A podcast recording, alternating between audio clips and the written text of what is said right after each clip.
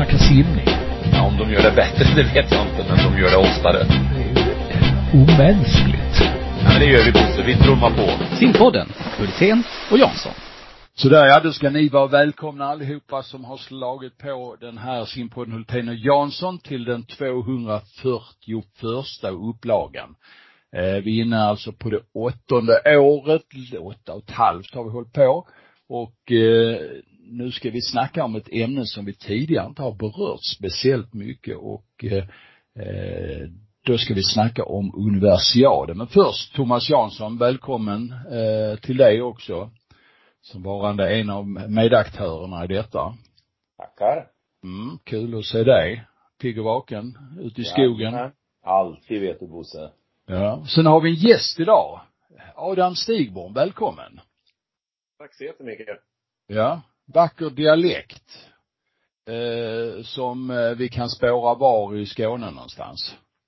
Uh, jo men uh, uppväxt är jag i, uh, utanför Höganäs. Uh, kommer från Viken från början. Men uh, har bott och, jag flyttade och pluggade till Stockholm egentligen direkt efter gymnasiet. Mm. Sen så blev jag då kvar här. Kan man väl också säga. Nä, nästan tillhör det skånska arvet. Jag var Ja. här känns det som. Men du, du måste presentera var du jobbar någonstans och eh, det här vi ska snacka om. För du har ju en väldigt speciell roll i det här sammanhanget. Eh, berätta för oss. Ja, eh, jag kommer ju då från liksom Sveriges Akademiska Idrottsförbund. Och för de som inte har hört det, så vi, är ju ett idrottsförbund under Riksidrottsförbundet precis som simförbundet och, och fotbollsförbundet. Skillnaden är då att vi är det här ett av eh, få då liksom kategoriförbund tillsammans med Parasportförbundet och Korpen och Skolidrottsförbundet. Så har vi en, en målgrupp. Eh, och mål, vår målgrupp är då liksom studenter och det är på eftergymnasial nivå. Sen, sen så är ju vi då en del av eh, vårt internationella förbund, FISU. FISU är då de som arrangerar de här liksom gigantiska tävlingarna för studenter. Och det är väl, eh, det, det tror jag ändå de flesta har någorlunda koll på att det som, eller om man säger liksom studentidrott i Sverige och studentidrott internationellt eller i andra länder så är det en väldigt, väldigt stor företeelse internationellt. Men i Sverige så, så är det ju en helt, helt annan typ av grej. Men via, via det medlemskapet vi har så får vi då skicka och delta med svenskar på de här gigantiska tävlingarna som då är universiaderna. Mm. På, på det här förbundet så jobbar jag, jag kommer, man kan väl säga, eh, jag läste maskinteknik på KTH. Kom in i den här världen genom att ett år innan så var det någon som hade startat ett hockeylag. Jag hade inte spelat hockey på, det var tre, fyra år. Men tyckte att det lät bra mycket roligare än att göra någon sån här spexmästeri eller någonting. Att det, sporten har väl ändå alltid varit den nyckeln i att träffa människor när jag kommer till en ny plats. Eh, så tyckte att det lät fantastiskt kul. I samma veva så var det då någon som hittade, hittade de här universiaderna, och primärt då vintervarianten och att Sverige inte hade skickat ett hockeylag sen typ så 68. Eh, vi hade också lite tur. Eh, SAIF, Sveriges Akademiska, var väldigt vänligt inställda. Och så kom vi iväg då 2011 och deltog på en. Sen har väl jag varit i och runt den här världen sen dess. Och när jag tog examen så fick jag frågan om jag ville börja jobba med det här. Eh, och tycker väl egentligen att det här var det roligaste jag under min studietid. Så jag hade väl också svårt att hitta en anledning till varför man inte skulle prova på det här några år. Eh, och jobba med att skapa bättre förutsättningar för, egentligen för att fler skulle få den här upplevelsen.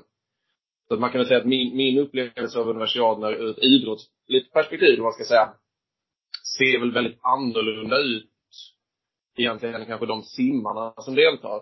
Samtidigt som jag tror att skulle vi sätta oss ner och prata så skulle vi nog ändå prata om upplevelsen på ganska liknande sätt. Eh, det är en otroligt häftig tävling som är så mycket mer än en hockeytävling eller en simtävling. Det som egentligen gör det unikt, jag tror liksom framförallt med lite perspektiv, är ju att det är ett multiidrottsevenemang med så otroligt många deltagare. Men du, innan vi lämnar eh, din uppväxt och, och det här. Du spelade ishockey var då någonstans? Var det i Jonstorp eller var det? Precis. Ja. Så jag spelade i, eh, då kanske du har varit i den fina ladan. Absolut. Ja. Jonstorp är ju, ska man kalla det farmarlag till Rögle? Får man säga så eller? Det är i alla fall Höganäs kommuns största idrottsförening. finns det väl, ja man får väl absolut säga så. Sen tror jag att det finns, eh, kanske jag ändå är en av de som skulle eh, vända mig lite på det. Mm. Det, har, det, har, det har funnits, det har väl absolut funnits årgångar där det där inte har stämt. Mm. Så kan man väl säga. Ja. Ja, ja. Rögle är Rögle. Och Redhawks är Redhawks. Nu ska vi inte snacka mer om det. Eh, du, jag ska fråga dig, du, du säger så här eh, innan vi näm, lämnar det här nationella planet och helt beger oss in i universiadvärlden. Du, du säger att den akademiska idrotten i Sverige ser ut på ett sätt. Berätta för oss hur den ser ut och vad den består av egentligen. För det är ju det som vad jag förstår ändå är eh, vardagsmat, smör och bröd i din verksamhet, eller? Jo, men så för ändå måste det väl ändå vara liksom vi, eh, vi precis som andra förbund är ju liksom ändå medlemsdrivna och, och våra medlemsföreningar där, där hittar vi väldigt få elitsimmare så, som kan åka på en universiad eller egentligen i någon idrott. Eh, svensk studentidrott är fantastiskt duktig egentligen på om man vill spela fotboll en tisdagkväll. Mm. Eh, om man vill åka på en skidresa eller om man vill prova på en ny idrott med liksom öppna dörrar. Den typen av verksamhet är vi väldigt, väldigt duktiga. Men samtidigt vill man fortsätta spela fotboll på en relativt hög nivå. Eh, eller vill man fortsätta simma men kanske, ja men liksom ändå på en, på en, på en hög nivå där, där man kanske har varit på gymnasiet. Den nivån är vi ju liksom inte så duktiga på. Men man kan väl säga att så är annan internationell studentidrott ändå uppbyggd. Det handlar väldigt mycket mer om att man ska fortsätta med den idrotten man har specialistkunskap inom och liksom kunna utvecklas och frodas inom det. Även om man då inte kommer någon gång befinna sig på ett VM. Alltså vi pratar om kanske hög nivå men inte avlönad nivå. Mm, mm, mm. Ja. Så går vi över då till det här internationella eh, kapitlet med universiader. Eh, som vi, när vi har kommenterat i tv, som vi har gjort några gånger, Thomas och jag, eh, jämför med någon, eh, en olympiad helt enkelt. De yttre formerna ser väldigt lika ut eh, som en olympiad. Eh, kan du se någon skillnad mellan eh, universiaden och olympiaden? Jo men det, det, det, man kan väl säga, det, så som vi alltid egentligen pratar om det, det är väl egentligen liksom media och den yttre pressen. Alltså skulle man fråga Eh, ska man fråga de simmarna som åker så är det klart att det, en, en dålig prestation på en universiad eh, kommer ju inte påverka lika mycket som en dålig prestation på ett liksom långbane-VM eller ett OS. Någonstans så är det ju en provtryckning och en chans att se och lära. Och liksom det viktigaste egentligen är väl upplevelsen oavsett om den är bra eller dålig så, så är det upplevelsen i sig. Och sen så hur man tar det vidare och den upplevelsen när man då ska prestera på det, på den största arenan. Men, men så, som deltagare så är det ju primärt media och liksom både internationell media men också nationell media och intresset för det här. Man får ju vara lite mer i fred eh, kontra om man är på de största evenemangen. Så är det. Thomas, du har ju varit på bägge också. Vad är din eh, erfarenhet av detta? Nej men det är klart att det är som Adam säger när det gäller eh, en svensk trupps mediebevakning. Men, men däremot när man är på plats där, jag, jag har ju eh, till exempel varit i, i Bangkok 2007. Då, då var det ju alltså egentligen väldigt likt i den meningen att eh, det var nästan som en OS-by man bodde i. Det var ett invigningsformat där nationerna tågade in Eh, mycket folk på läktaren. Eh, det tv-sändes som du var inne på Bosse, jag blev intervjuad i då och fick klart för mig att, ja det gick ut till ungefär 100 miljoner borta i Asien. Eh, så att mm, det, det, är väldigt likt och, och standarden, om vi då tittar på simning, har ju varit att många gånger har ju framförallt Australien och USA skickat väldigt, väldigt starka trupper så att nivåmässigt ligger det ju som ett bra Europamästerskap ofta. Det varierar lite från, från gång till gång. Eh, och när, när jag då pushade för det i rollen som förbundskapten, då var det utifrån perspektivet att om man har upplevt en universal så har man gjort ett mini-OS, alltså man har fått varit med om det här, för det pågår i 12 dagar. Eh, alla olika idrotter man, man ser och så vidare. Så att det, det, är, det är ett bra arrangemang alltså, det är ingen tvekan om. Och så finns det en vinter och en sommarupplaga och de går vartannat år. Innebär det eh, en viss täthet i det här, Adam, eh, problem? Ja, det är klart du får jobba med det året, till två universiader. Eh, hur påverkar det dig? Um, men samtidigt så finns det väl egentligen vissa aktörer, eh, alltså vi samkör, någonstans hade det nog nästan varit jobbigt om det varit annat år, för då hade man liksom haft ganska korta perioder där man legat nere med det och så ska man försöka fylla det med någonting annat. Nu kan vi göra satsningar som är ganska koncentrerade. 2025 då så är det två, två universiader i Europa. Eh, och ser vi, eh, där vi vill hitta stöd och liksom jobba med så ser det egentligen bara positivt att de ligger som de gör. Sen så är det ju lite upp till oss att lösa det administrativa måsten kopplat till det. Jag vill ändå bara säga det också lite, det är ju ganska kul med det här att det är så liksom stort kontra eh, alltså de lärdomarna man kan dra från en universal kontra att dra från ett VM, även om pressen man ställer på sig själv allting är ju något helt annat. Men det är ju liksom bara, bara sådana basala saker som, missar du bussen på en universiad, då missar du bussen. Det går en, en buss går till simningen, de andra 48 går till andra idrotter. Då står det liksom ingen bil och väntar på dig för att du är en stjärna. Tycker du inte om maten i matsalen, tråkigt. Du får liksom inte ta in mat i den här byn. Du kan inte bara gå ut på stan och göra precis som du vill. Så, så de där bitarna är väl någonting som vi pratar jättemycket om och det har ju varit mycket Ulrika Sandmark som jag pratar med liksom kopplat till simningen och det är ju precis eh, den tanken som du hade Thomas, den, den lever ju kvar inom simningen. Att det är den delen av det här mästerskapet är egentligen den viktigaste erfarenheten. Och den, den erfarenheten ligger ju då egentligen gentemot ett OS, inte mot ett VM. Eh, historiskt så har ju universiader eh, arrangerat sedan 1959. Det är ändå ett eh, ganska hyfsat eh, spektra av år. Eh, senast nu var det i Chengdu i Kina som ligger precis eh, från vår sida sett bakom eh, eh Himalaya. Det är det stora centrat i, i västra Kina. Eh, en flyghubb för till exempel KLM och, och ja, 20-25 miljoner invånare, hur man räknar nu. Det är en fantastisk stad. Åttafiliga gator mitt inne i centret och så här vill jag minnas att det var när jag var där senast i alla fall. Eh, och nästa år går, eh, eller 2025 går det, heter det Rinnerur, Rinne, Reinrur eller så. Jag har aldrig hört talas om den Någonstans vill jag ju lämna det uttalet till dig så att jag inte behöver försöka. Nej. Eh, hur, hur har satsningen varit från akademiska eh, simf, eller akademiska förbundet under årens lopp? Har, när har man riktigt börjat satsa på de här universiaderna? Var man med, med redan från 59? Du var ju inte med, men eh, du kanske kan historien? Men det, det har gått i vågor. Sen ska man väl också säga den här, de här tävlingarnas liksom signifikans och någonstans ska man väl också liksom ha med sig att hur, hur den idrottsliga nivån ser ut i de olika idrotterna bygger ju väldigt mycket på vad liksom det internationella sim, fäktnings, volleybollförbundet vill göra av de här tävlingarna och hur mycket man kastar in andra tävlingar som konkurrerar eller om man utvecklar sin tävling på en universiad. Det, det har väl gått liksom upp och ner.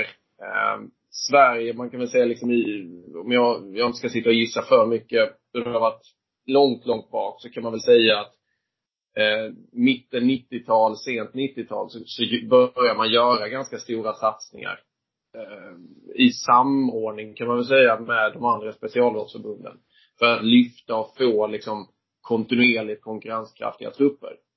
Eh, sen så hade man ytterligare ett lyft 2010. Då gjorde man en stor satsning från vårt håll. Utbildade väldigt många delegationsledare. Man bjöd med väldigt många liksom nyckelpersoner för att se och uppleva det här mästerskapet.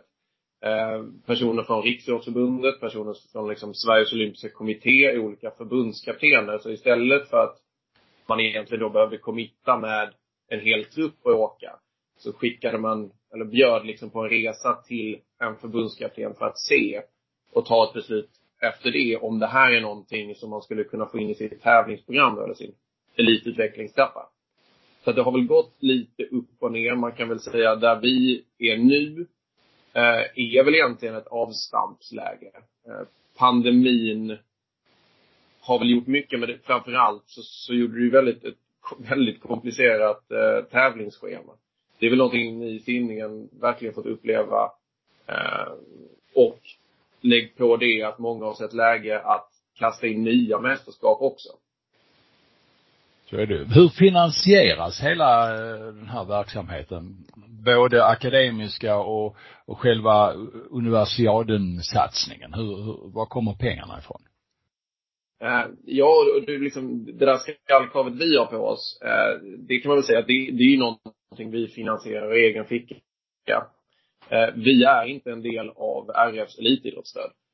Så vi, vi har liksom inga pengar vigda åt elitidrott och man kan väl säga liksom i grund och botten så har det väl också lite, lite komplicerat då liksom i den här medlemssituationen att lägga för mycket pengar på det här. Man kan väl säga att vi betalar våra egna noter och sen så är det upp till förbunden som deltar att, att lösa det. Och det ser väldigt olika ut. Eh, simförbundet åker ju liksom med en landslagstrupp och har det i sitt landslagsprogram. Vilket gör att simförbundet tar kostnaden för det. I många andra idrotter så kan det vara den aktiva själv, det kan vara liksom klubbarna. Eh, tittar man på till exempel friidrott, det är, ju väldigt sällan friidrottsförbundet åker med ett landslag där de betalar allt. Utan du har ju liksom din egen satsning. Och vill du delta i den tävlingen eller den tävlingen, det avgör du och din klubb. Så att det ser väldigt, väldigt olika ut. Men man kan väl säga att vi har ett tre, fyra förbund som går liksom in och har det i sin elitutvecklingstrappa och betalar allt det. Mm. Mm. Varför, varför eh, har inte RF det i sitt stödprogram? Det kan man väl vrida och vända, men någonstans så kan man väl säga att RF är också medlemsstyrd eh, verksamhet. Skulle skulle förbunden, skulle simförbund och friidrottsförbund tycka att det är en jättebra idé att vi förvaltar en del av deras elitidrottsstöd och satsar på en universiad, vilket någonstans hade vi haft ett elitidrottsstöd så hade ju pengarna gått dit. Så, så, så kan man då enkelt säga.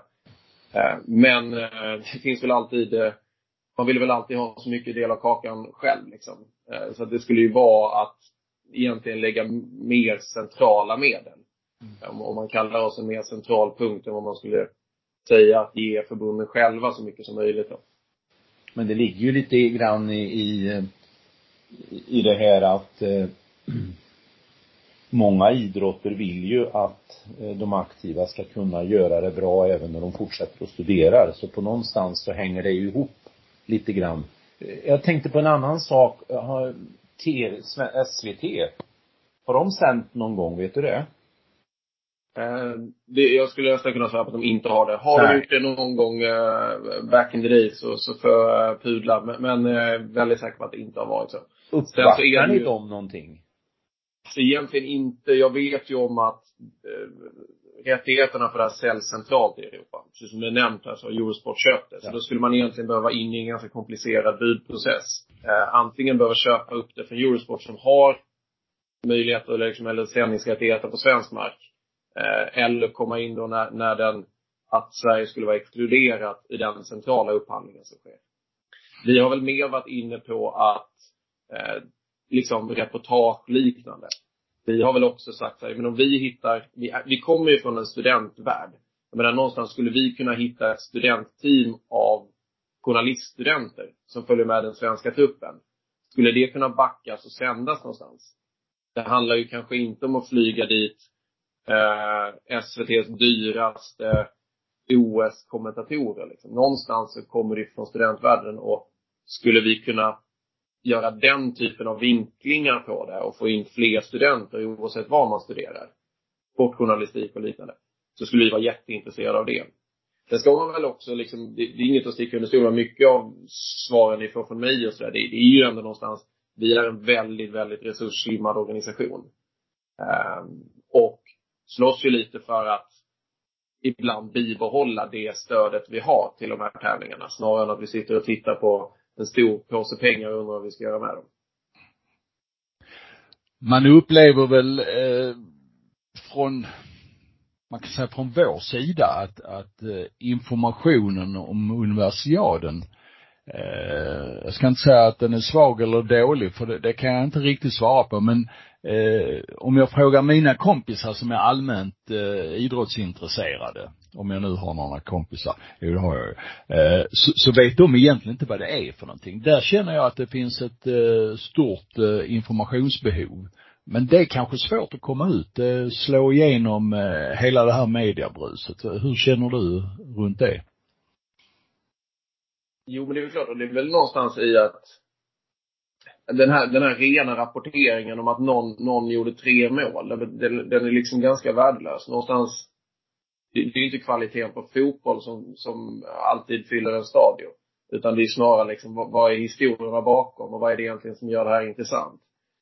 Man måste väl liksom komma dit någonstans att sälja in både det faktum att det är liksom vilket universitet man kommer ifrån eller att man um, någonstans det här laget möter det här laget och vilka är de här individerna och är det någon av de här som pluggar något speciellt? Alltså det, det måste ju byggas någon form av historia kring det här landslaget. Det finns ju inget landslag som bara klarar sig på, på att man idrottar någonstans. Nej. Vi hade ju liksom, eh, Victor Johansson slog svenskt rekord i Italien 2019 på universiaden.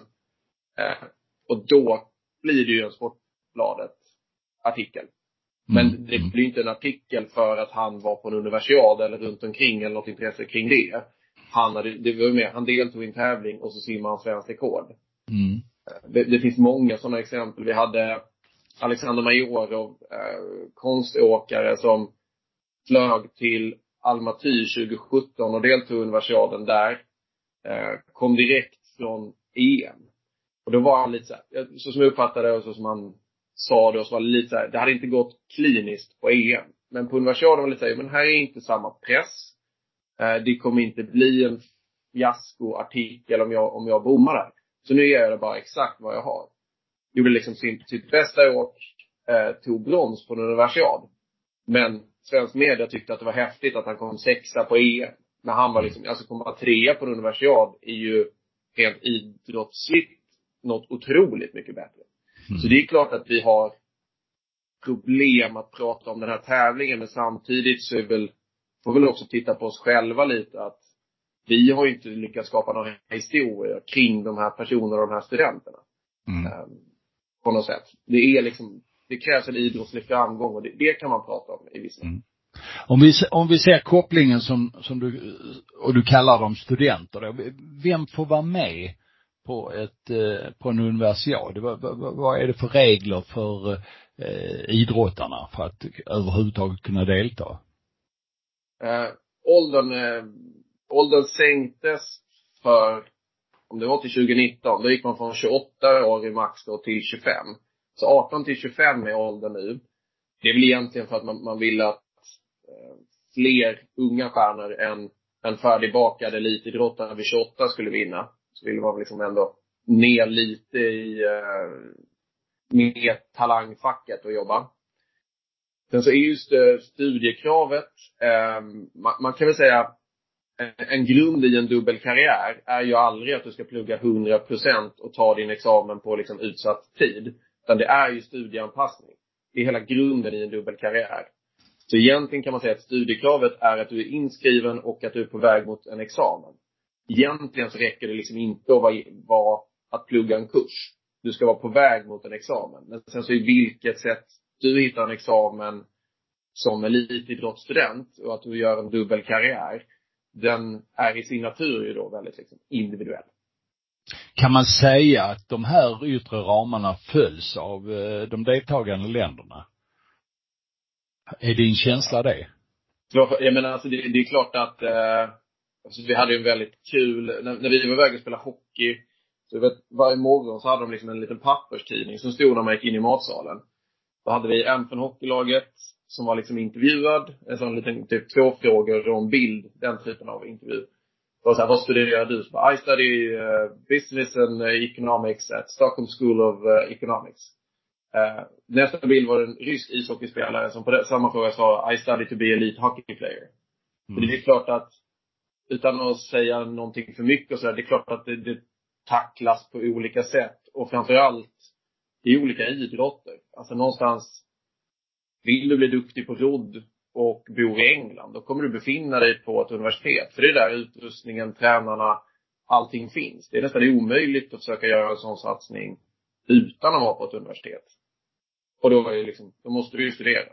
Mm. Så det ser ju väldigt, väldigt olika ut men jag skulle ändå säga att sett deltagarna så är det väldigt få som är där för att man vill vara med på tävlingen och lösa studiekravet på något sätt. Mm. Mm. Eh, sen brukar väl vi lite resonera någonstans om, om man kan få någon att studera för att vara med på den här tävlingen så det, det i sig har ju ett egenvärde. Att bekanta mm. sig med, med den miljön. Mm. Och, och inse att det inte är så skräckinjagande att studera på universitet. Som kanske många idrottare tänker. Um, för att man aldrig har varit i den världen innan. Så, så är väl det en jättebra dörröppnare. Mm. Det är väl lite krasst. Om vi tittar på de här eh, svenska trupperna som åker till universiaden, hur stora är de? Eh, på vinter och sommarsidan, skiljer det där och, och skiljer det mellan arrangemangen i storlek på vinter och sommar? Ja, men det, det skiljer ganska kraftigt. Alltså vinter, då kan man väl säga no, någonstans 1800-2000 aktiva. Sommar, någonstans mellan 6 och 8. Eh, det som avgör det där är väl egentligen eh, vilka valbara idrotter. Man kan säga på ett universiadprogram så är antalet fasta idrotter som man måste ha med, de är väldigt mycket färre än på ett riktigt OS. Och välja, vi, vi var i Ryssland på en vinteruniversiad, då hade de bandy som valbar sport. Då får du in väldigt många lagidrotter, eller liksom en lagidrott men ger ju väldigt många aktiva. Så då sticker ju deltagarsiffrorna. Sen kan man säga vi, sista året har det varit ganska jämnt svenska truppstorlekar eh, vinter och sommar. Men det är egentligen för att det var länge sedan att vi hade med lagidrotter på sommar. Får man med två basketlag och två volleybolllag så sticker det ganska mycket. Men någonstans mellan 50 och 80 aktiva skulle jag säga är en bra svensk medeltrupp. Mm. Mm. Man, man, man, men de här siffrorna du nämner, de är ju ganska likartade mellan ett vinter-OS och ett sommar-OS. Ett sommar-OS är ju en, i princip fyra gånger så stort deltagarmässigt och, och så vidare som ett eh, vinter-OS. Det speglar ju ganska väl hur världen ser ut så att säga. Eh, du, finns det en, kopplat till det, finns det några planer på eller har funnits på nationell nivå eh, universaden-konceptet? Ja, menar du mer lite liksom för svenska studenter att ha ja. Och då, då 20, oh, tror jag första gången som, som Sveriges Akademiska tillsammans med Uppsala och olika funktioner i Uppsala startade studentiaden. Jag har väl varit precis i den här att samla många studenter som gillar idrott. Eh, man kan väl krasst säga att när, man har nationella tävlingar, eller när vi arrangerar nationella vi, vi har noll intresse egentligen av att hitta Sveriges snabbaste på 50 meter fritt. Kan vi få fler att simma och delta i den här helgen? Det är liksom intressant för oss. Eh, till exempel, vi, vi har ju liksom student-SM i simning finns det fyra föreningar. Fyra studentsimföreningar som träffas varje år och genomför. Med lite hack i skivan under pandemin då. Men jag menar, då har ju de, ska vi se om jag säger rätt, 6 gånger 50 lagkapp mixed. Mm. Det, det, är liksom den typen av tillägg som gör det här roligare. Och liksom att anpassa för att få fler att delta. Det är ju liksom den nationella taken på det. Sen kan man säga att studentiaden hade jätte, eh, ska inte gå in på det för mycket liksom. Men, men hade det lite så, hade en bra tillväxtresa. Eh, sen så svårare och svårare. Sen pandemin kom och la en total våt filt på det. Och nu har vi startat upp tillsammans med några aktörer i Göteborg, eh, Akademiska spelen. Tanken med Akademiska spelen eh, är egentligen att hitta en, en, en fast punkt att genomföra den här typen av tävlingar. Vi insåg väl med studentiaden och liksom det här liknande multiidrottsevenemangskonceptet att när man reser runt och hela tiden ska hitta en ny arrangör. Det är väldigt, väldigt tungt och svårt. När man inte har något jättefast koncept. Då. Så att, eh, där jobbar vi, eh, samtidigt som vi då också har ett student-SM. som Mm. kommer genomföras i Linköping. Men det är klart, de olika idrotterna är ju väldigt slimmade också i sina upplägg, så det är ju inte lätt att ta plats i årshjulet. Med helger och, så det inte ska kollidera. Men man, Du- som kul liksom detalj så, eh, Jakob Danielsson som var med i Känguru simma, han var också med på student-SM på GH badet. Eh, och det, det är liksom så här, någonstans, ehm, nej, han kanske inte är den viktigaste för Sveriges Akademiska att få med. Men vi vet ju att om han är med, då borde det kunna finnas ett liksom, större intresse. Alltså, om han kan ha en kul helg, då är det många som kan ha en kul helg och göra det där. Eh, och jag tror att liksom, hans tävlingszon var nog lika stor när han skulle ta igen att, att laget låg under på liksom sex gånger meter frisim. Jag, jag tror att det, det fanns lika mycket tävlingsinstinkt på honom i, i en sån situation som många andra. Liksom. För simningens del, som ju har haft lite bekymmer att de som fortsätter att studera efter gymnasium och så har haft lite svårare att motivera sig att fortsätta träna simning också. Och i den betydelsen så har ju eh, studentidrott en ganska stor betydelse egentligen och skulle kunna vara tungan på vågen att en simmare ändå väljer efter kanske ett halvårs uppehåll att hitta tillbaka och, och kombinera en satsning.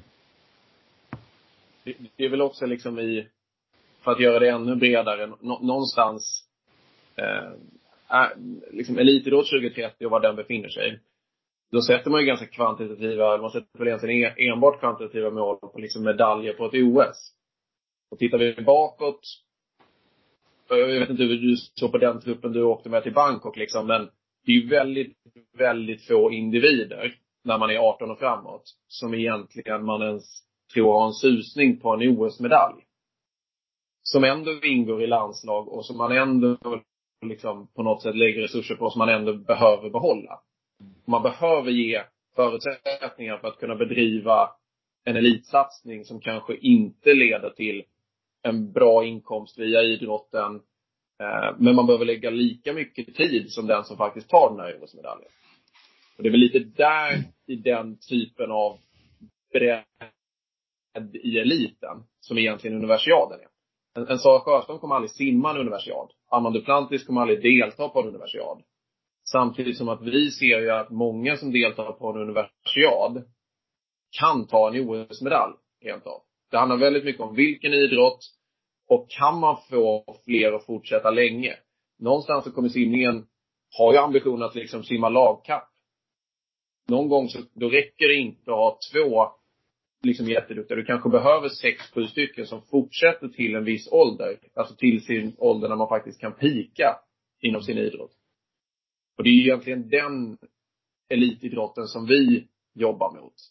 Eh, medan egentligen elitidrott 2030, kollar man på målbilden så, så är ju vi i någon form av vad ska man säga, alltså det blir nästan lite som att prata hygienfaktorer. Jag vet inte hur ni ser på det där men hur, hur, hur brett egentligen ska ett simförbund och en elitutvecklingstrappa gå?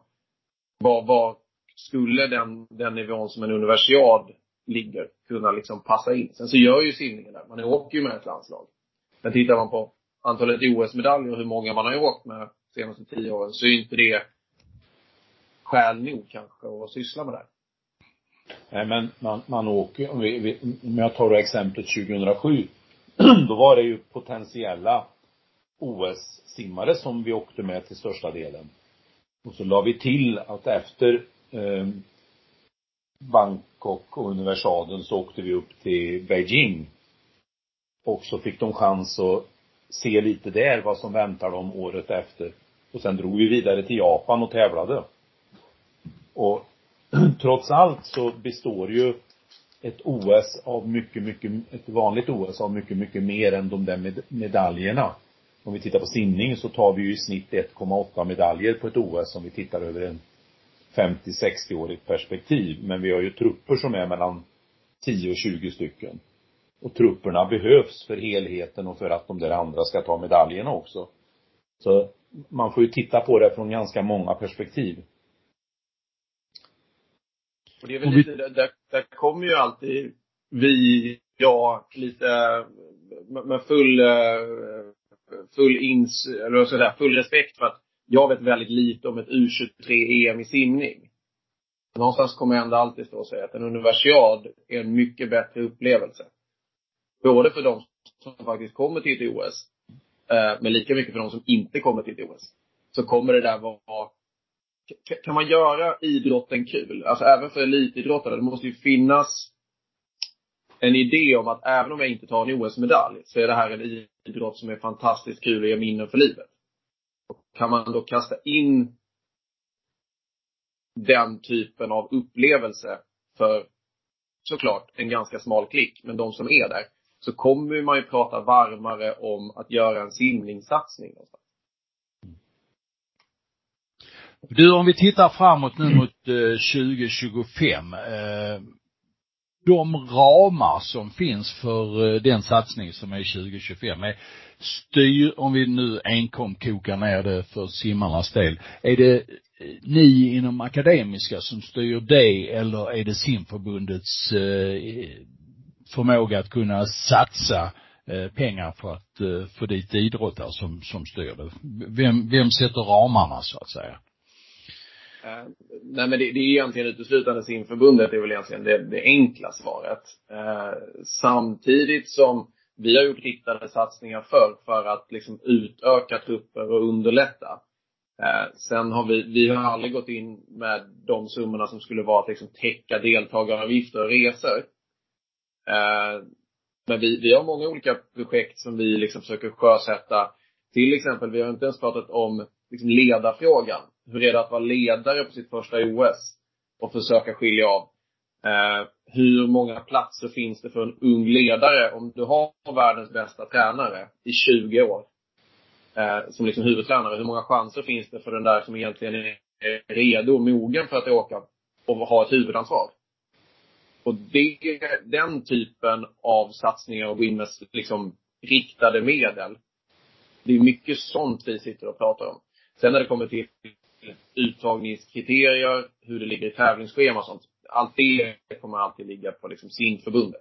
Mm. Det är inget vi, vi lägger oss i. Finns, finns det begränsningar hur stor en svensk trupp får vara på en universal? Eh, alltså det finns ju, där kanske ni kan, men det är så som jag uppfattat det så är det då samma, är det två man får ställa upp på i varje gren. Ja.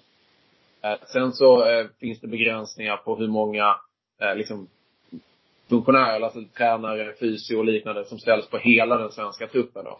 Ja. Men vi, man kan säga att vi brukar, vi brukar inte vara så nära den. För att ta några eget exempel så var, när vi var på första mötet med hockeyn, då räckte det ryska laget upp och frågade vad deras två videocoacher skulle sitta på läktaren. Och vi var, vi var en och en halv tränare liksom. Så att vi, det är väldigt sällan vi närmar oss eh, full kapacitet på mängden tränare. Kort och gott. Så det finns utrymme för att få med fler helt enkelt? Absolut. Och, mm. och tittar vi skralt, alltså 50, 80 aktiva, hur vi än vrider och vänder på det där och kollar på andra idrotter så någonstans varje plats som inte är fylld av en svensk är ju en missad upplevelse för livet. Mm. Mm. Um, så att vi, vi har, vi jobbar stenhårt på detta. Det finns ingenting där vi är vi är nöjda med 50-80 egentligen. Varje gång vi inte har en svensk som, som fyller en plats på en universiad. Så i, i vår synsätt så är det en missad, en missad liksom, upplevelse för livet. Du har ju betonat, eh, tycker jag på ett fint sätt här, mycket av, ska vi kalla de mjuka värdena inom idrotten. Eh, och det känns väl bra. Eh, idrott ska ju vara kul på alla olika nivåer, det kan vi väl hålla med om om du tittar på eh, utvecklingen framåt för akademisk idrott nationellt och internationellt, hur upplever du att den kommer att se ut och vad, vad kommer dina uppgifter i det här, de här sammanhangen att vara?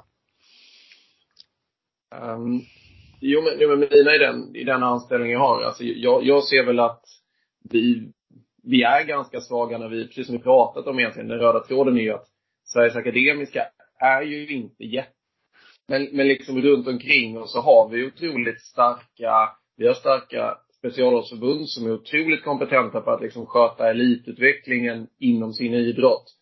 Sen så runt omkring där, vi har ett riksidrottsförbund som liksom äger frågan dubbla karriärer. Vi har universitet som är väldigt, väldigt resursstarka men idag inte jobbar med den här typen av fråga liksom aktuellt i tävlingssammanhang. Man lämnar liksom idrotten helt till idrottens värld. Eh, vi har ett, Eh, en svensk olympisk kommitté som jobbar liksom väldigt mycket med de här ledarskapsutveckling, mästerskapsförberedelser och sådär. Jag menar runt omkring, jag skulle säga att det, det är väl den viktigaste egentligen, att sy ihop det här på ett bättre sätt och att vi, vi inte tror att det är vi som ska lösa all finansiering, all elitutveckling och tror att vi vet bättre än, än simförbundet hur man egentligen hittar en, eh, oavsett om det är en OS-medalj eller en sund elitsatsning. Så det, det skulle jag egentligen säga är det viktigaste. Sen, sen kan man väl lägga till då att vad, vad de här universiaderna och sådär tar vägen. Alltså det har ju varit nog för att 2007 var stort, men vi har haft 2011, 2013, 2015 var liksom så här gigantiska sommaruniversiader. Eh, Chengdu som var på senast, alltså, alltså det, det är liksom en gigantisk sommaruniversiad. Frågan är väl lite precis som i all annan stor världsidrott och liksom OS sådär. Hur länge kan man kräva att det här mästerskapet ska se ut på det här sättet? Nu kommer vi vara i Europa nästa, eller 2025. Då ser det ju annorlunda ut. Än när vi Chengdu, Bangkok, Kazan, Guangzhou och sådär. Mm. Skalas ner lite då kan man tänka sig. Jag, jag kan ju tänka mig att någonstans, eh, om, man, om man vill vara i något annat land i framtiden än liksom Ryssland, Kina, Sydkorea. Då, då precis som eh, på OS liksom. Om, om man vill, vill kunna hålla ett, ett vinter-OS i Sverige så kommer det inte kunna se ut som i Sochi. Punkt. Mm. Så det, det är väl liksom, vi är en del av samma världsidrott som ni är. Och någonstans så kommer man behöva hitta tillbaka, eller ja, om man bestämmer sig för att man vill, så, så är det ju en liten väg tillbaka på att hitta hur kan fler arrangera. Spännande. Eh, väldigt intressant.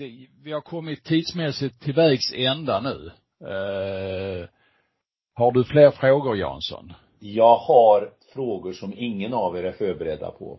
Ja, kan jag tänka. Sitter du ner Adam? Ja. Ja. Eh, jag har ju tre väldigt speciella frågor till dig. Som eh, det inte går att liksom eh, prata runt. Man måste vara ganska distinkt i sina svar.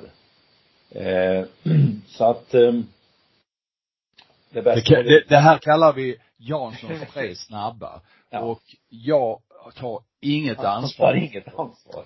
Ja, det är bra. Jag, jag tar fullt ansvar. Ja. Videon kommer inte med, så man ser ju inte att jag börjar få en liten svett. Ja. Svett som rinner i tidningen här. Nej, det är rätt. Vi börjar med första frågan. Och då handlar det om att genomföra. Vad vill du genomföra helst? Vansbrosimningen eller Lidingöloppet? Eller har du redan, och du kanske redan har gjort det? Låt höra. Nej, alltså jag, jag har gjort, jag har gjort mina Vasalopp. Eh, tänkte att jag ska göra Vättern och sen så har jag varit så här Vansbrosimmet, man borde klara av det. Lidingöloppet, jag har ett kroniskt hat till, till löpning. Det kommer väl från någon hockeykarriär. Men då skulle jag säga Vansbrosimmet. Okay. Simma i en älv låter bra mycket mysigare. Mm. Om, då hoppar vi över till att du är en internationell stjärna i, i någon idrott. Vill du vara det i en sommaruniversad, universiad eller en vinteruniversiad? Äh, vinteruniversiad. Och det är hockeyn som förstås styr dig där. Nej, nej du vet inte, alltså äh, alpin skidåkning. Äh, eller något sånt. Okej. Okay. Och nu kommer liksom den ultimata. Fem mil hade man väl drömt om att vinna det tror jag. Okej. Okay. Nu kommer den ultimata frågan. Dansband eller hårdrock? Oh. Ja, då, det får bli hårdrock. Men det är, det är väl också en svag, en svag övervikt. Tack, då vet vi så mycket mer om dig. Ja. Ja, Adam, eh, tack så mycket för att du var med oss. Jag tycker att du har eh, verkligen eh, lyft vår, vår kunskapsnivå när det gäller universiaden eh, väsentligt och eh, jag tror också för lyssnarna här. Så jag säger hej och tack eh, till eh, dig nu för idag. Tack så jättemycket. Önskar dig lycka till framöver. Hoppas vi kan höras fler gånger. Jansson, tack eh, där borta i skogen. Så hoppas vi att du mår bra också. Och så säger jag tack till lyssnarna också. Hej och tack. Nu ska vi snacka simning. Ja, om de gör det bättre, det vet jag inte, men de gör det oftare. Det är ju omänskligt. Ja, det gör vi Bosse. Vi trummar på. Simpodden, Hultén och Jansson. Ja, då är vi inne i eh, nyhetsblocket av eh, den här eh, simpodden Hultén och Jansson nummer 241. Eh, det är lite simtävlingar på gång, eller har varit på gång här. Eh, japanska mästerskapen, Panam, Panam Games i Santiago de Chile, huvudstaden i Chile och eh, så har vi framför oss eh, Svensk GP Ystad Grand Prix till helgen som börjar på fredag. Vad har vi att säga om de här tävlingarna Jansson? Eller rättare sagt, vad har du att säga? Så här, eh, Pan, Amer Pan American Games har du tittat lite på. Jag har ingenting att säga. Nej då. jo, eh, det var ju, det är ju en tävling som har varit i eh, 50 meters bassäng. Och till skillnad från när det är ett, eh, till exempel ett europeiskt mästerskap när i princip genom åren alla de länder i Europa är med och satsar på det så är det ganska ihåligt från de bra nationerna på Pan American Games och då tänker jag på Kanada, USA och faktiskt till viss del Brasilien också. Eh, så att det, det är ganska ihåliga resultatlistor och tittar man på rekord och så, så slogs det i och för sig några mästerskapsrekord. Men inte på någon jättehög nivå. Eh, jag tror till exempel att 400 fritt blev runt tre, herrar 347. Det, det jag tycker är intressanta i spaningen är ju att utifrån det komplexa årsdjuret som vi har i Sverige som internationell simning har, så ser man här, här ligger en högkvalitativ tävling, men den ligger på en period och ett upplägg som gör att ändå kan inte riktigt alla vara med. Och, och det här tycker jag är återigen ett bevis på att um, man har inte lyckats få ihop en bra helhet. Till exempel kolliderade det med världscuptävlingarna i Budapest. Ja, det finns ju sådana här kontinentala mästerskap eh, som vi tycker känns lite konstiga naturligtvis. Eh, Pan American Games är väl ett sådant. Asiatiska mästerskapen är väldigt, eh, tycker jag, eh, klart i sin, i sin kontur. Men Pan American Games, vad är det egentligen för stater som är med där? Är det hela den, de amerikanska kontinenterna, Nord och Sydamerika? Så har jag tolkat det. Mm. Då är ju egentligen eh, inget konstigt med det heller. Nej, nej. Eh, men, men däremot så är det klart att det är ju fattiga trupper från Kanada. Jag menar de bästa kanadensiska simmarna var ju, en del av de bästa var ju i Budapest. Mm. Till exempel. Mm. Och USA var dåligt med på bägge ställena. Ja, ja. Så att ja. det, det finns lite att göra i helheten tror jag för att gynna simningen som idrott i förhållande till andra idrotter i det perspektivet. Problemet är väl att det här underordnar sig någon form av Pan American eh, förbund. Eh, och det här är en del av en helhet som, som gör att man, man strider för sitt och vill ha sina bitar och sina pengar och, och, och sin idrott va. Att eh, helt underordnade till exempel FINA eller IOK eller något sånt, låter sig nog inte göras. Nej. Nej. Lite spretigt känns det kanske. Men framförallt ja. är det så att det krockar. Ja. Och man skulle ju kunna tycka att egentligen borde man kunna köra de här man borde ha ett eh, internationellt årshjul och så alla kontinentala mästerskap låg mer eller mindre samtidigt. Ja. Exakt. Hur svårt kan det vara? Ja.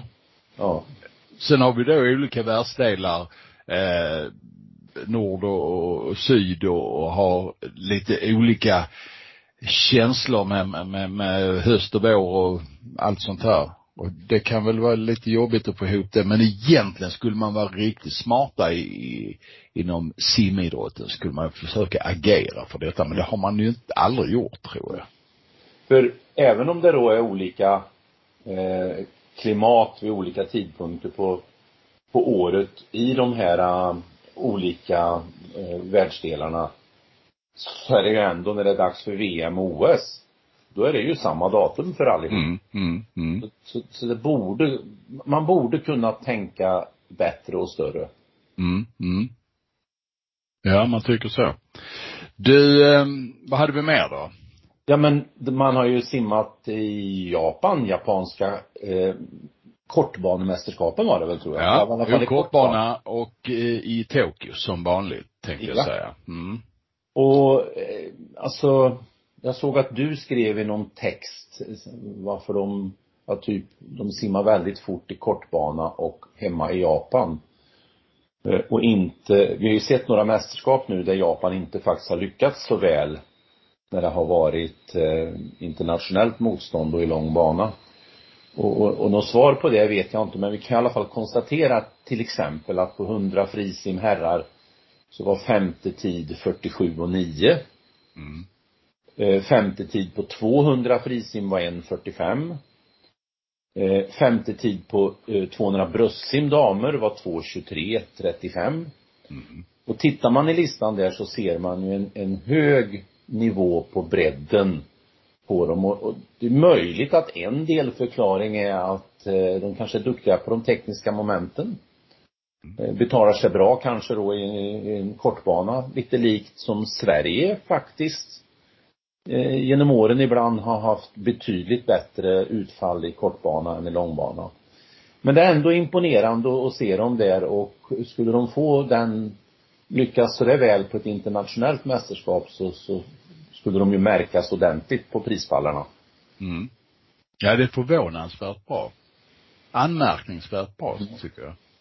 Ja, det är ju ena sättet att se det, eller titta åt andra hållet. Det är anmärkningsvärt svagt när hon kommer till långbana Mm. på bredden. Nu var det extremt dåligt senast för Japan. Ja. Eh, Två, två medaljer tror jag det var och de var väl jättebesvikna men, men eh, som sagt var det, det är, no, där är något eh, fundamentalt fel i japansk simning kontra eh, deras eh, eh, uppträdande på den internationella scenen, upplever jag det som i alla fall. Och de, de har ju liksom eh, visat upp sig på den internationella scenen i hundra års tid. Mm. Alltså Man skulle ju gärna vilja fråga eh, en involverad man som Magnus Kjellberg vad han tycker om eh, en sån här sak. Ja. Jag, jag får skicka ytterligare meddelande till honom och se om vi kan få napp på honom. För det är klart att han har, han har en helt annan insikt i frågeställningarna än, än vad vi har. Så det vore Magnus som jobbar med det, japansk simning på plats och i landslaget. Där, ja han började där efter OS i London 2012 då han, då tjänstgjorde han väl för Sverige. Mm. Det känns som man har skaffat sig en viss erfarenhet av Ja. Japan så här långt. Hade varit kul att kunna tanka av honom lite. Mm. Mm. Ska vi se om det låter sig göras inom eh, en rimlig tid. Jaha, och så till helgen har vi eh, Svensk Grand Prix i eh, Ystad. Eh, en eh, oftast väldigt välarrangerad tävling eh, med många bra simmare och eh, det är väl inte sämre i år, snarare tvärtom skulle jag säga att de danska inslagen är ju väldigt starka eh, och som ser till att hålla upp tävlingen. Eh, saknas väl en del svenska landslagssimmare ska sägas. Men eh, det är väldigt bra klass. Det är ju svårt i Sverige att hålla ihop landet med den här typen av tävlingar med tanke på alla avstånd och så vidare. Det är klart det är lättare för de danska klubbarna, speciellt de som ligger på på eh, Själland. Själland, ja det var ordet jag sökte. Mm. Som har nära över och så vidare och, och som du sa är det många med där och jag tycker också att startlistorna ser bra ut. Eh, en hel del spännande saker tror jag nog att vi kommer att få se. Så det ska bli roligt också att sitta och jobba med tävlingarna som Mm. vi nu har gjort. Det blir väl tredje året i rad tror jag. Ja. Vi sänder alltså därifrån på webben. Och eh, hur man landar där, ja det kan ni se på Simma, där är länkar in till tävlingen. Och eh, då eh, kan man få sig ett helt paket av eh, Swim, Swim Open, eh, GP. Mm. Den vägen om man vill titta på tävlingar. Vi kommenterar och snackar med simmare och eh, försöker göra det till ja, så bra sim eh, eh, tävling som möjligt för vår del. Så att vi hoppas att ni hänger på oss. Lite andra perspektiv än en, en vanlig kom, eh, speaker kan ge på en, på en tävling som måste Mm. behandla alla banor lika, så att säga. Mm. Ja, ja. Så är det. Vi får ju till och med tycka till Mm. om vi vill. Mm. Ja. Jaha, vad har du se på? oss, Man slipper se oss mestadels i bild också. Ja, ja. Ja, Den, eh, det är värt att notera. ja, våra radio eh, utseende gör sig ju bäst i tv så att säga, eh, utan eh, bild på oss. Du, eh, har vi, har du något mer på gång inom simningen? Ja, det pågår ju ett mycket, mycket intressant arbete lett utav Fredrik Lundin som förkortat heter STP, säsongs och tävlingsplanering. Mm. Eh, Man sökte en, ehm, en sammanhållande länk för det här arbetet förra hösten. Och Fredrik fick det jobbet och han startade upp det i början på året med att bjuda in de som ville vara med. Eh, och en 40-50 stycken nappade på det. Eh, de delades upp i lite grupper kopplat till parasimning, öppet vatten, bassängsimning. Och i de här grupperna så fick man då en liten ingång i form av lite eh, vetenskapliga eh, inslag. Där man till exempel slog fast att det här med jämbördigt motstånd är en viktig faktor för utveckling. Lite om glädje. Man har pratat kring i de här grupperna om syftet att vi helst ska försöka få ett upplägg som gör att simmarna stannar kvar lite grann efter 18-19 år och äldre och, och därför alltså att vi får äldre simmare. Sen när det här arbetet då eh, eh, fortskridit i de här grupperna och man nu har eh, kommit fram till eh, ett underlag som så småningom ska gå ut på remiss. Eh, Kommer väl att göra det under november månad. Och, och då kan man ju nämna några ord i det här sammanhanget som, som man dyker på ofta i arbetet. Det ena är då parallelltävling. Eh, där tanken är att till exempel i samband med att det är ett svenskt mästerskap så ska det finnas parallelltävling. Ändra samma, exakt samma tidperiod eller strax före eller strax efter. För att fånga helheten i landet och kunna ha lite samma träningscykler. Eh, man har pratat om förändra eh, ungdoms och juniordelen så att det blir ett U21-SM i samband med eh, SM som då är för 19, 20 och 21-åringar. Eh, nu har arbetet gått över till att man fick anmäla sig igen att sitta i, i grupper där man pratar till exempel mål och visioner med tävlingar. Eh, man pratar om mer detaljmässigt när på året ska till exempel den ständiga frågan utomhus-SM ligga. och, och då var det väl kanske inte lika stort intresse eh, så den här 40-50 personerna har väl kokats ner till något färre. Och nu har de grupperna jobbat och, och skrivit ner då tankar kring hur ska man se på ett SM, varför arrangerar vi ett SM, etc. Och det här ska nu ställas sammans och då är, tyckte jag det var viktigt att ta upp det här i podden eftersom jag, jag har engagerat mig i eh, det där av, av många skäl. För jag tycker det är jätteintressant och min ingång har ju varit att när den här remissen nu går ut i eh, landet att man engagerar sig Eh, innan det sen ska gå till beslut på, hos eh, simförbundets styrelse. Eh, det är ju som så att min ingång har ju varit lite grann att precis som många andra att vi är ju inte riktigt nöjda med hur utvecklingen har varit i svensk simning. Och risken är om vi gör ungefär lika fortsatt år från år, då är ju risken väldigt stor att vi också får samma utfall. Så att en, en liten uppmaning där är ju när de här remisserna går ut att ta på helikopterglasögonen.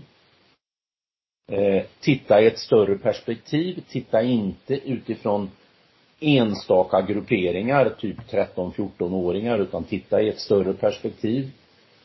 Så kanske ändå det är på väg att bli en, eh, om än en liten paradigm förändring i svensk simning. Så det, det är Mm. mycket spännande. STP, säsongs och tävlingsplanering, lett av Fredrik Lundin. Då kan Ja. man ställa frågor till honom också, det uppskattar han. Härligt. Jaha, vad har du mer på gång? Vad jobbar du med annars eh, på dagarna här? Du är, är, är ju lite simintresserad har jag hört.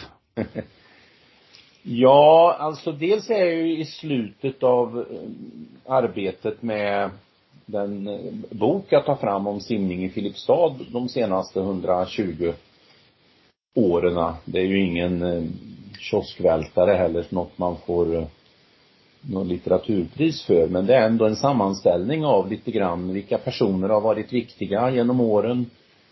Tävlingar, händelser och så vidare, bilder. Eh, och sen ska det då lusläsas närmaste månaden. Så att det är ju ett arbete som tar lite grann utav min tid. Sen i de här grupperna jag engagerar mig också blivit lite tid. Och sen i föreningen där vi nu snart ska smyga in i vår nya simhall. Mm. När är det dags för Filipstad att inviga simhallen? Vet Ja, man det? Det är inte fastställt. Man ska fylla i vatten vecka 48. Mm. Och sen är det en procedur med att, mm, vad heter den, kalibrera reningsverk och allt så här. Det blir väl inte som när man fyllde i 1971, den, den förra bassängen vi hade. Då provbadade jag redan när vattnet var långt ifrån det skick det ska vara. Utan här, här är de nog lite mer noggranna. Ja. Så vad kan vi tro? Jag hoppas att vi kommer in med lite av vår ungdomsverksamhet under andra delen av januari. Mm. Så kanske, vet jag inte hur kommunen har tänkt sig med invigning. Och vi i, simningen har heller inte fastställt eh, mer än att vi har pratat om att det ska vara ett väldigt ungdomskoncept på, på vårt på vår invigningstävling. Mm. Men det får Mm. vi återkomma till. Ja. Ja, ja. Ser det bra ut tycker du? Ja, utif- utifrån att de ska ha med så mycket saker i, eh, i hallen som inte vi som simmar behöver, så ser det bra ut. Så vi, vi fick ju en bana till mot vi hade förut och det är ju jättebra. Mm. Eh, det går att ta in 150 personer om man sätter upp en tillfällig läktare. Mm. Eh, vi får eh, elplattor i bägge ändarna så vi kan köra lite 25 meters koncept, vilket är ju lite kul och spektakulärt. Mm. Eh, vi kommer till och med ha små startpallar i den andra kortändan. Mm. Eh, så att så sett ser det ju bra och spännande ut och sen är det ju nytt och fräscht. En undervisningsbassäng som vi kommer ha jättemycket nytta av, höj och sänkbar förstås. Så att ehm, eh, mycket pengar men eh, för helheten och Filipstadsborna tror jag de kommer att vara stolta och gilla det här. Vi har ju vi har varit bortskämda, det kanske är fel ord, vi kanske har förtjänat det. För att simningen har alltid haft en bra position även om man tittar på 30-talet eller 50-talet i, i kommunen så att när de har byggt ny simhall då förra gången och nu så har det funnits en stark folklig opinion för en ny simhall. Mm. Och det är bra. Ja. Det är mycket bra. Jaha.